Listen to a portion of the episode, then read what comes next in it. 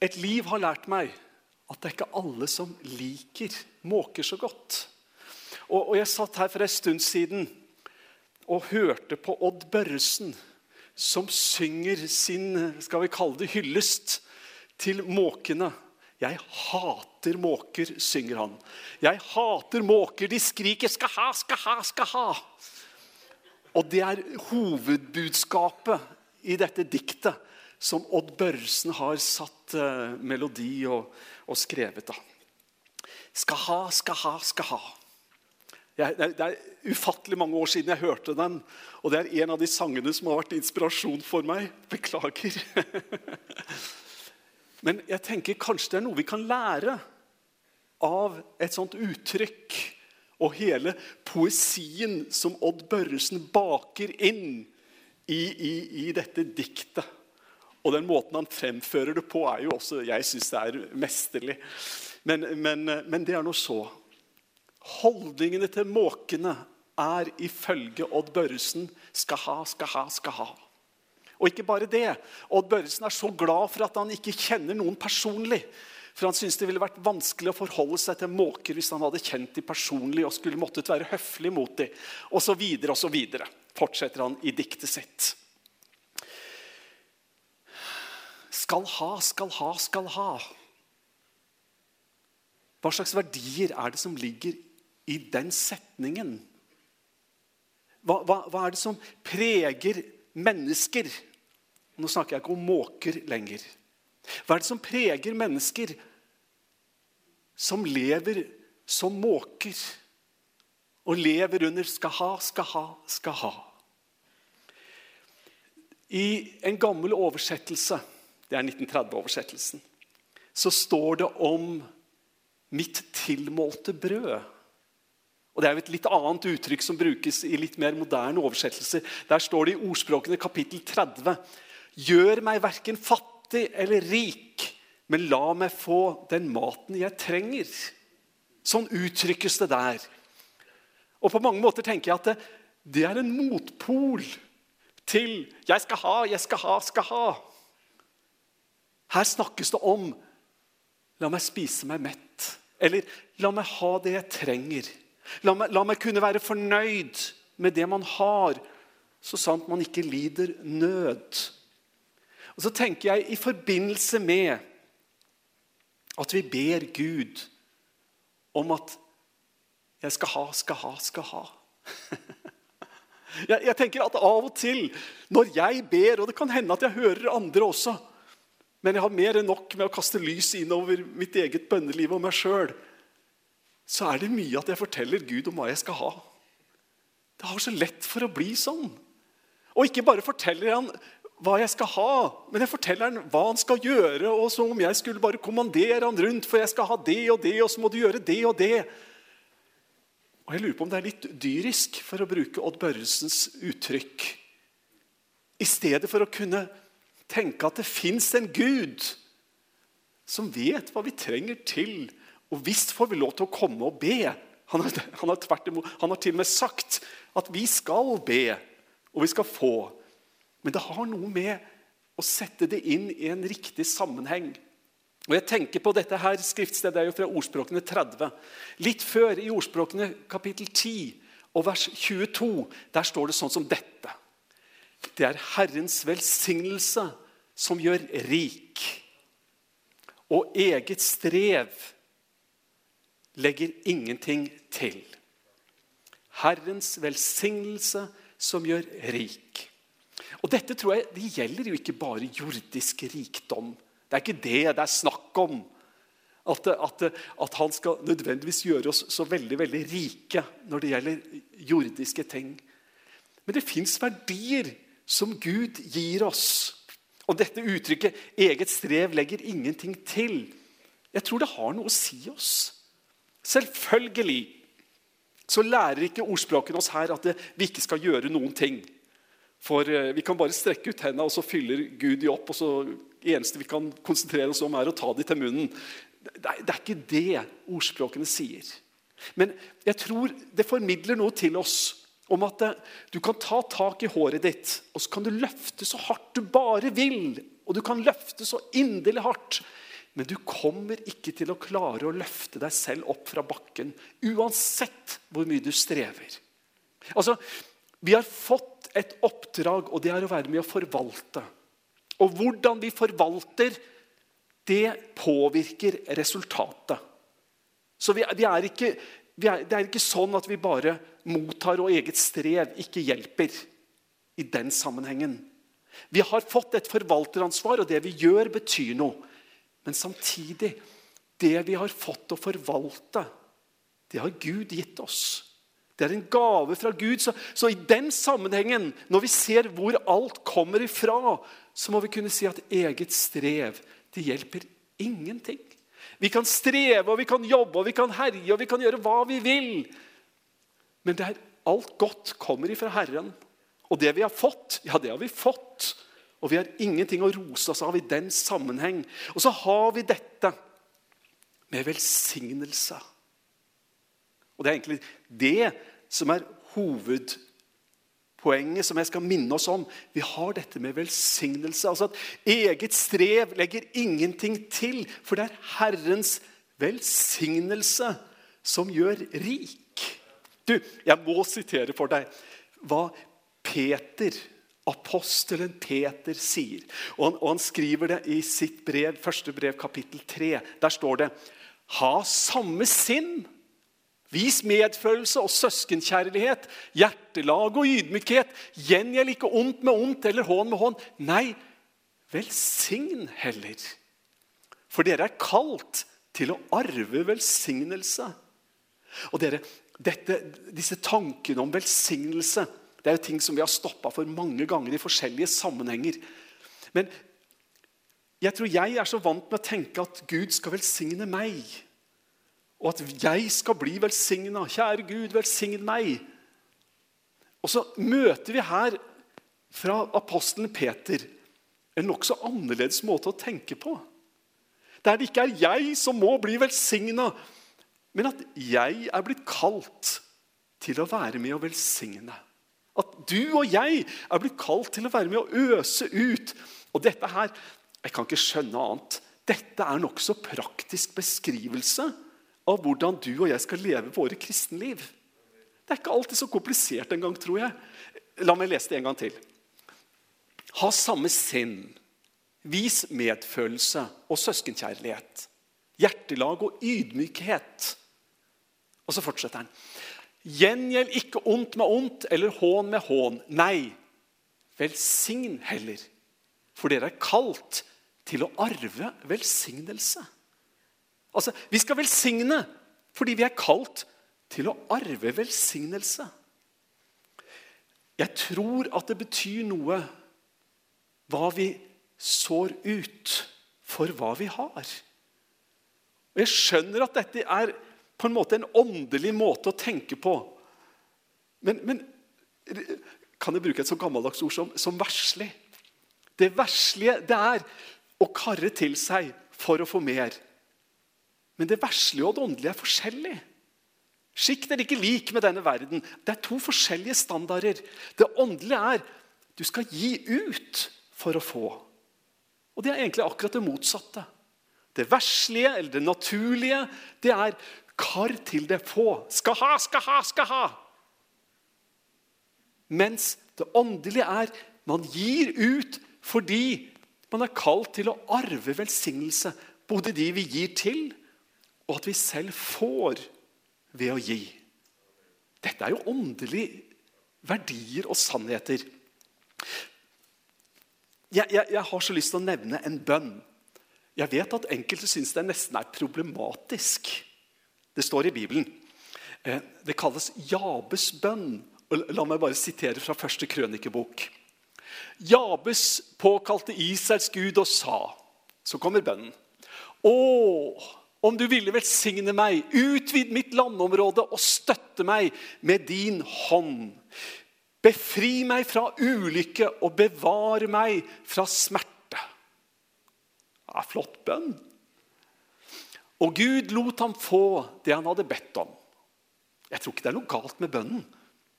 Men jeg tror det kan bli litt galt hvis vårt fokus utelukkende blir på det som Jabes her deler med oss fra sitt bønneliv. Han ber om at Gud skal støtte han og utvide landområdene ha framgang. Han ber om å bli bevart fra ulykker og smerte. Og Jeg må jo si, jeg tror det er en naturlig bønn for hver eneste en av oss å be. Og så Når vi leser at Gud lot ham få det som han hadde bedt om, så er det så viktig. Men det går an å oppleve Guds velsignelse, og det går an å leve i Guds velsignelse selv med, med smerte og selv under ulykkestider og hendelser. Jakob velsigner Josef. Det står i første Mosebok. Der står det din fars Gud, han skal hjelpe deg. Den allmektige skal velsigne deg med velsignelser fra himmelen der oppe. Jeg syns det settes sånn i perspektiv. Jeg vet ikke helt om det er et ordspill. Jeg tror det er det. Eh, selvfølgelig ikke bare det. Men, men, når han sier 'Jeg skal velsigne deg med velsignelser' Altså, Jeg, jeg har hørt om, om, at man kan snakke om, om lag på lag. Og Man ser for seg en kjempebløt kake med, med sant, lag på lag med krem og eggekrem og bringebærsyltetøy og alt dette er oppover. Eh, her møter vi noe av dette lag på lag. Jeg skal velsigne deg med velsignelser fra himmelen.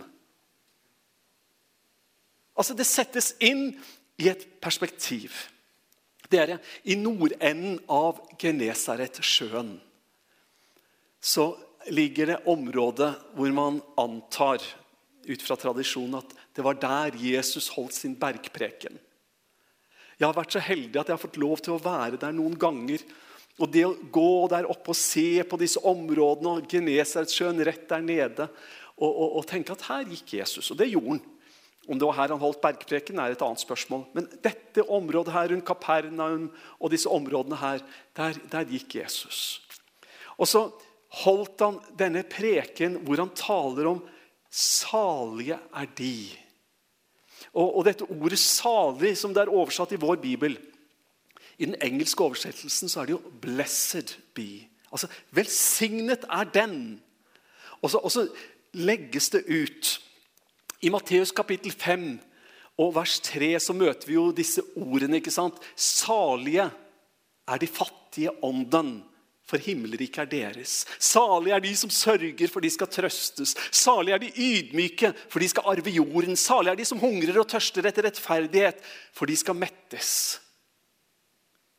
Men tenk om vi hadde oversatt det litt mer som i engelske oversettelser. Bare hør på dette sitatet fra meg nå. Velsignet er de som er fattige i ånden, for himmelriket er deres. Velsignet er de som sørger, for de skal trøstes. Velsignet er de ydmyke, for de skal arve jorden. Og velsignet er de som hungrer og tørster etter rettferdighet, for de skal mettes. Velsignelse er forskjellige ting. Men velsignelser er alltid det gode.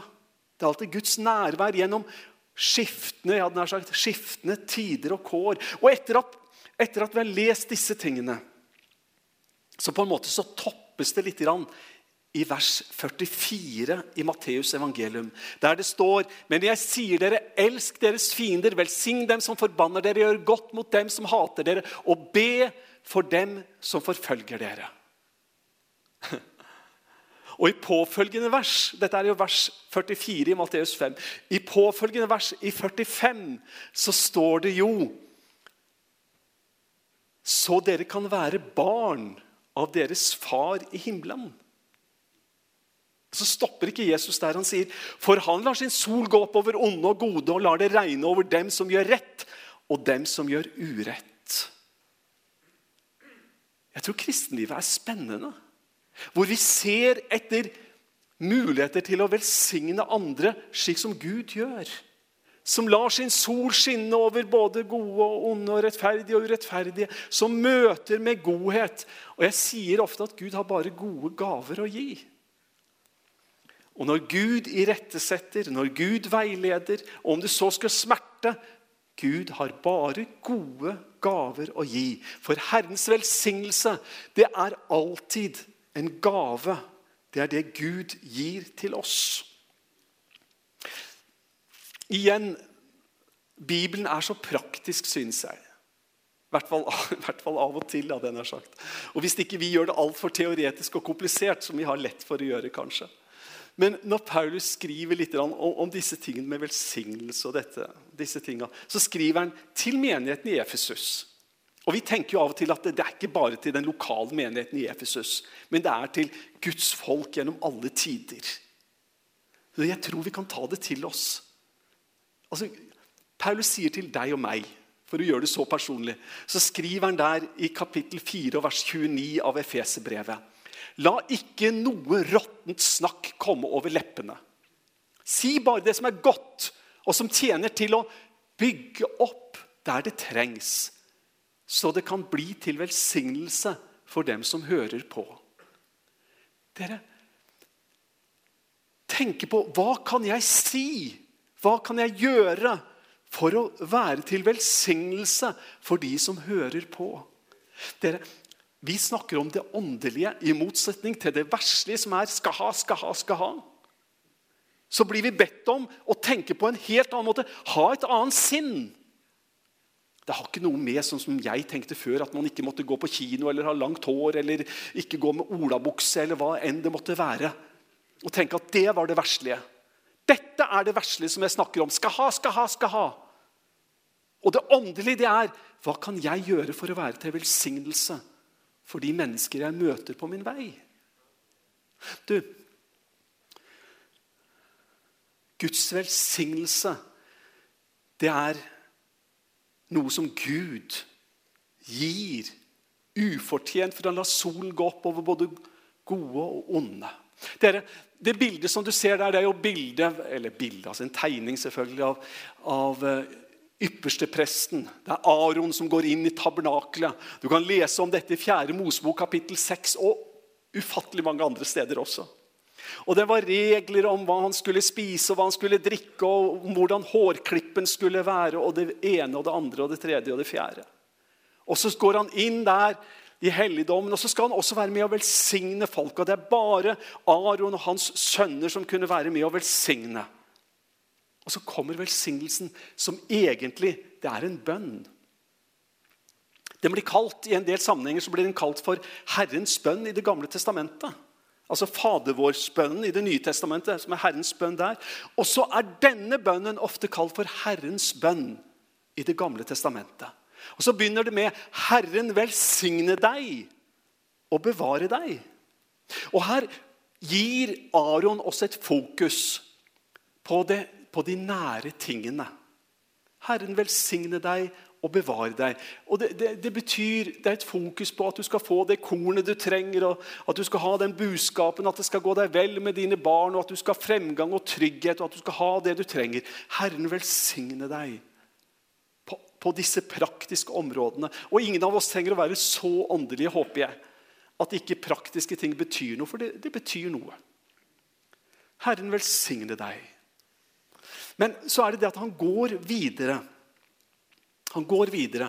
Så sier han, 'Herren la sitt ansikt lyse over deg og være deg nådig'.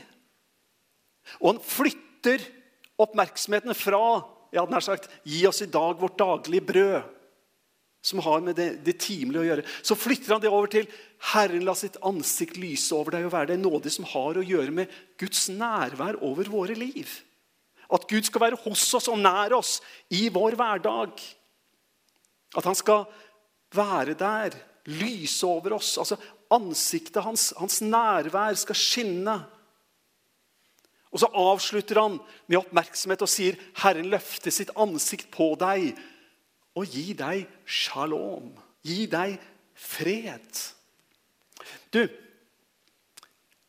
noe av det vakreste som jeg kan tenke meg det er når, når, når, jeg er sammen med foreldre, og gjerne unge foreldre, som, som er der med, med sin li, lille baby. Og Så hører du et klynk eller et eller annet fra denne lille. Og så ser du foreldrenes reaksjon. Jeg, jeg syns det er gripende Og jeg var jo sånn sjøl òg, selvfølgelig, for det ligger i, i, vår natur. på mange måter. Du, du, hører et behov av den lille, og du ser foreldrene hvordan de kommer til, løfter det opp. Øyekontakten, trøsten, tar det inntil seg. Jeg tror det har å gjøre med oppmerksomhet. Herren løfter sitt ansikt mot deg og gir deg fred. Det er en fred som bare nærheten til Gud på en måte gir. At vi, vi kan komme med vårt klynk, vi kan komme med vår bønn, vi kan komme med vårt sukk. Og så er det en reaksjon pga. at det er en som bryr seg. Å se disse, gjerne disse unge foreldrene. Og de kan være så unge, så unge. Men det, det, det, det er, er, et instinkt, og det er, ja, kanskje det er noe som Gud har lagt ned. Og de reagerer finner den lille, løfter den opp. Og Jeg tror det er en, bare et lite svakt gjenskinn av Guds omsorg og godhet og oppmerksomhet. Ja, Herren løfter sitt ansikt på deg og gir deg fred. Amen.